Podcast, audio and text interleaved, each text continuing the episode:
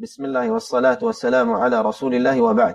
E, imamo dvije vrste povraćanja. Imamo nenamjerno povraćanje i namjerno povraćanje. Kada je u pitanju nenamjerno povraćanje, nema razilaženja među islamskim učenjacima da to ne kvari post i da postač nije dužan napostiti taj dan.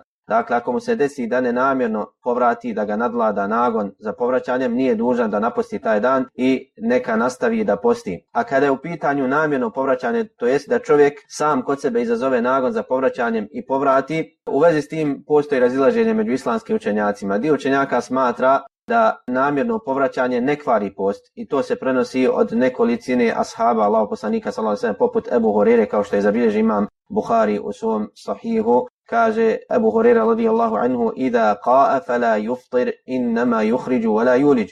Kaže ako povrati nije time pokvario svoj post nije se iftario jer on izbacuje a ne ubacuje to jest izbacuje hranu iz sebe a ne ubacuje u sebe ne unosi hranu e, čime se kvari post. Također se prenosi od Ibn Abbas radijallahu anhuma, od Ibn Mas'uda radijallahu anhu i od nekih, od nekih e, učenjaka u prvim generacijama izrazita većina islamskih učenjaka, čak neki spominju i konsenzus islamskih učenjaka po pitanju toga poput e, imama Ibn Mundira, Hapabija i drugih, je na stavu da namjerno povraćanje kvari post i onaj ko namjerno izazove povraćanje dužan je da naposti taj dan, taj dan posta. Kao što smo spomenuli, to je to je stav većine islamskih učenjaka i stav kojeg je izabrao šehhul Islam Ibn Tejmije. Oni dokazuju sa predajom koju je zabilježio imam Ahmed u Musnedu, imam Abu Dawud u Sunanu, Ibn Mađe, Tirmidi, Nasai i drugi, od Ebu Hurere radijallahu anhu da je Allah poslanik sallallahu alaihi wasallam rekao من ذرعه القيء فلا قضاء عليه ومن استقاء فعليه القضاء onaj koga nadlada povraćanje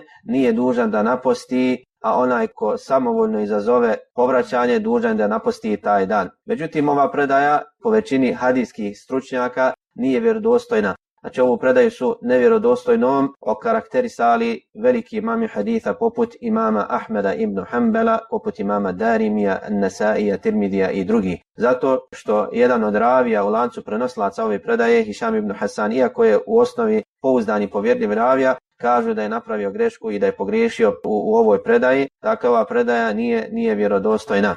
Zabilježili su imami Ahmed, Abu Dawud i drugi od Ebu Darda radijallahu anhu koji prenosi da je Allahu poslanik sallallahu alaihi wa sallam povratio, a nakon toga iftario. Qa'a fa aftar. Dakle, povratio i iftario. Ova predaja je vjerodostojna, međutim, e, ne upućuje jasno na to da, da povraćanje kvari post. Ima Malik vjerodostojnim lancem prenoslaca zabilježio od Abdullaha ibn Omera radijallahu anhuma da je rekao من من استقاء وهو صائم فعليه القضاء ومن ذرعه القيء فلا قضاء عليه kaže onaj ko izazove povraćanje ko sam kod sebe izazove povraćanje dok posti dužan je da naposti taj dan a onaj koga nadlada povraćanje to jest nenamjerno povrati nije dužan da naposti taj dan Dakle, ovo je stav, stav Abdullaha ibn Omara radijallahu anhuma. I to je stav većine islamskih učenjaka. Bilo kako bilo, predostrožnije je za postača da namjerno ne povraća u toku posta. A ako se desi da namjerno povrati, predostrožnije je i preče za njega da naposti taj dan, kao što je kao što je stav većine islamskih učenjaka. Imam Tirmidi u svom sunenu u džemiji spomenuo je da je to stav islamskih učenjaka, znači stav većine islamskih učenjaka Dakle, predostrožnije je da čovjek ako se desi da namjerno povrati, da naposti taj dan. A kada je u pitanju nenamjerno povraćanje, postaš nije dužan, nije dužan da naposti taj dan, nego će nastaviti postiti, dovršit će svoj post ako je u mogućnosti i nije dužan, nije dužan da naposti taj dan i nema grijeha u tome, a Allah subhanahu wa ta'ala najbolje zna.